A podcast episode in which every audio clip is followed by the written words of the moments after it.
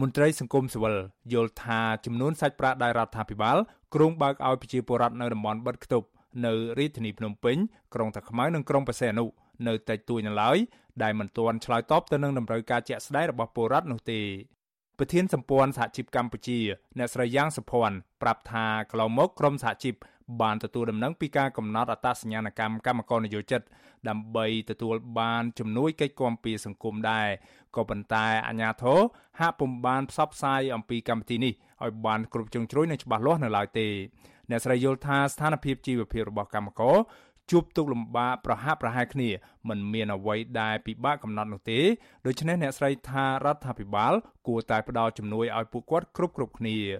យើងគួរតែមានការចែងឲ្យច្បាស់នៅក្នុងគោលនយោបាយរបស់រដ្ឋផ្ដល់គំការគំពីទៅដល់ពួកគាត់យ៉ាងម៉េចដើម្បីពួកគាត់រស់បាននៅក្នុងកំឡុងពេលហ្នឹងចំណុចមួយទៀតខ្ញុំគិតថាมันគួរភ្លេចវិស័យឯកជនទេនៅពេលដែលរដ្ឋបានចេញកិច្ចគំពីសង្គមជួយពួកគាត់បានតិចតួចហើយវិស័យឯកជនมันបានឲ្យគាត់រួមចំណែកនៅក្នុងការជួយទៅដល់កម្មករទេធ្វើមិនក៏បានទេមិនបាច់ចាំបាច់គ្រប់គ្រងទៅដល់ឬក៏ជួយទៅដល់រដ្ឋវិញអីអញ្ចឹងខ្ញុំគិតថាចំណុចឡើងនេះវាហាក់ដូចជាវាជាភាពខ្វះចន្លោះមួយរបស់រដ្ឋណា ចំណែកប្រធានសមាគមប្រជាធិបតេយ្យឯករាជ្យនៃសេដ្ឋកិច្ចក្រៅប្រព័ន្ធលោកវុនពៅលោកប្រាប់ថាសមាជិកសមាគមរបស់លោកបានដាក់បញ្ជីឈ្មោះជាង150នាក់ស្នើសុំជំនួយសង្គមរបស់រដ្ឋាភិបាល ទៅសង្កាត់ស្ទឹងមានជ័យ2ក៏ប៉ុន្តែអាជ្ញាធរសង្កាត់នេះបានបដិសេធសំណើរបស់លោកលោកចាត់ទុកករណីនេះថាគឺជាការបំពេញកិច្ចការខ្វះចន្លោះរបស់អាជ្ញាធរមូលដ្ឋាន ដែលមិនបានបំពេញតម្រូវការជូនពលរដ្ឋដែលកំពុងខ្វះខាត ផ្នែកជីវភាពនៅក្នុងអំឡុងពេលរីករាលដាលនៃជំងឺ Covid-19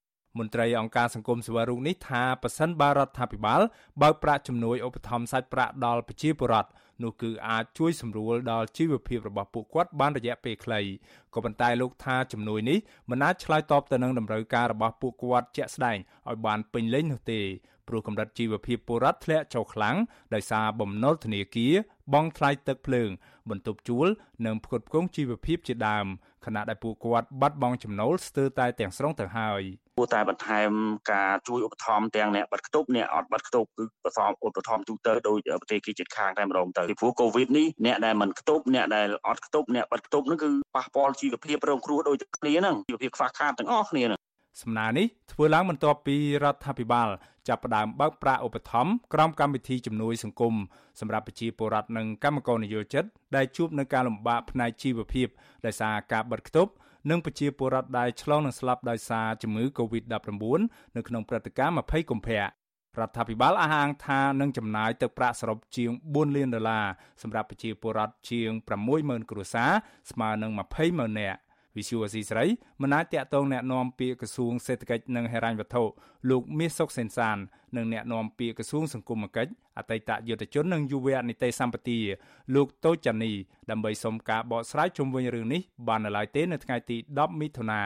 ក៏ប៉ុន្តែអគ្គនាយកផែនការនៃក្រសួងផែនការលោកថេងបញ្ញធនប្រាប់ប្រព័ន្ធផ្សព្វផ្សាយលោកហ៊ុនសែនថាប្រជាពលរដ្ឋដែលខ្វះខាតផ្នែកជីវភាពនៅតំបន់បិទខ្ទប់នៅរាជធានីភ្នំពេញក្រុងតាខ្មៅនិងក្រុងព្រះសីហនុជាង60000គ្រួសារស្មើនឹងជាង200,000នាក់នឹងទទួលបានប្រាក់ឧបត្ថម្ភនេះ លោកបញ្ជាក់ថាពលរដ្ឋដែលរងផលប៉ះពាល់នឹងទទួលបានថវិកាចាប់ពី1សែនរៀលដល់1សែន20000រៀលទៅតាមសមាជិកគ្រួសារនិងការជួយសម្រួលថ្លៃទឹកភ្លើងផ្សេងទៀតរីឯករណីស្លាប់ដោយសារជំងឺ Covid-19 វិញគ្រួសារសពអាចទទួលបានប្រាក់ពី3សែនរៀលដល់ជាង7សែនរៀលអាស្រ័យទៅតាមសមាជិកគ្រួសារនីមួយៗខណៈគ្រួសារអ្នកឆ្លងជំងឺ Covid-19 វិញក៏នឹងទទួលបាននូវប្រាក់ឧបត្ថម្ភពីរដ្ឋដែរ ទោះយ៉ាងណាពលរដ្ឋម្នាក់នៅរាជធានីភ្នំពេញលោកមាសរតនាដែលមានម្ដាយស្លាប់ដោយសារជំងឺ Covid-19 អះអាងថាគ្រួសាររបស់លោកនៅមិនទាន់ទទួលបានសាច់ប្រាក់ឧបត្ថម្ភពីរដ្ឋាភិបាលនៅឡើយទេក្រោយម្ដាយរបស់លោកស្លាប់ជាង1ខែមកហើយ លោកទទូចឲ្យរដ្ឋាភិបាលពន្លឿនការផ្ដល់កញ្ចប់ថវិកាជួយដល់គ្រួសារពលរដ្ឋរងគ្រោះដោយសារជំងឺ Covid-19 ព្រោះលោកថាពួកគាត់កំពុងត្រូវការជំនួយទាំងនោះជាចាំបាច់ដើម្បីដោះស្រាយបញ្ហាជីវភាពគ្រួសារ ក្រុមគ្រួសារដែលគាត់មាន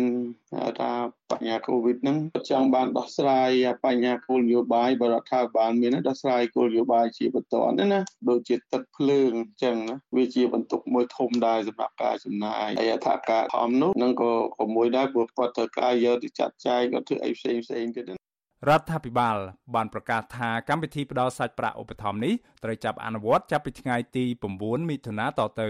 សម្រាប់អ្នកដែលបំពេញលក្ខខណ្ឌគ្រប់គ្រាន់ដោយពួកគាត់អាចទៅបើកប្រាក់ទាំងនោះនៅតាមបញ្ជរវិញដែលស្ថិតនៅជិតផ្ទះរបស់ពួកគាត់ឬប្រើប្រាស់កម្មវិធីទូរស័ព្ទរបស់ធនាគាររដ្ឋាភិបាលបញ្ជាក់ទៀតថា ពលរដ្ឋដែលរងផលប៉ះពាល់និងស្ថិតនៅក្នុងលក្ខខណ្ឌដែលអាចទទួលបាននៅប្រាក់ឧបត្ថម្ភពីរដ្ឋក៏ប៉ុន្តែមិនទាន់ត្រូវបានកំណត់អត្តសញ្ញាណដោយអាជ្ញាធរនោះពួកគាត់ត្រូវរុះរាន់តាក់ទងទៅអាជ្ញាធរមូលដ្ឋាន ក្នុងរយៈពេលមួយសប្តាហ៍គិតចាប់ពីថ្ងៃទី10ដល់ថ្ងៃទី17ខែមិថុនានេះដើម្បីទទួលបានសាច់ប្រាក់ឧបត្ថម្ភនេះនៅជំហានបន្ទាប់ មន្ត្រីអង្គការសង្គមស៊ីវិលទទូចឲ្យរដ្ឋាភិបាលបង្កើនកញ្ចប់ថវិកានិងការផ្សព្វផ្សាយជូនដល់ពលរដ្ឋឲ្យបានទូលំទូលាយបន្ថែមទៀតដើម្បីធានាថាពលរដ្ឋរងគ្រោះពិតប្រាកដអាចទទួលបាននូវជំនួយសង្គមពីរដ្ឋាភិបាលខណៈដែលពួកគាត់កំពុងរងគ្រោះខ្លាំងដោយសារតែវិបត្តិនៃជំងឺ Covid-19 នេះខ្ញុំបាទមេរិត Visual Asia ស្រីរាយការណ៍ពីរដ្ឋធានី Washington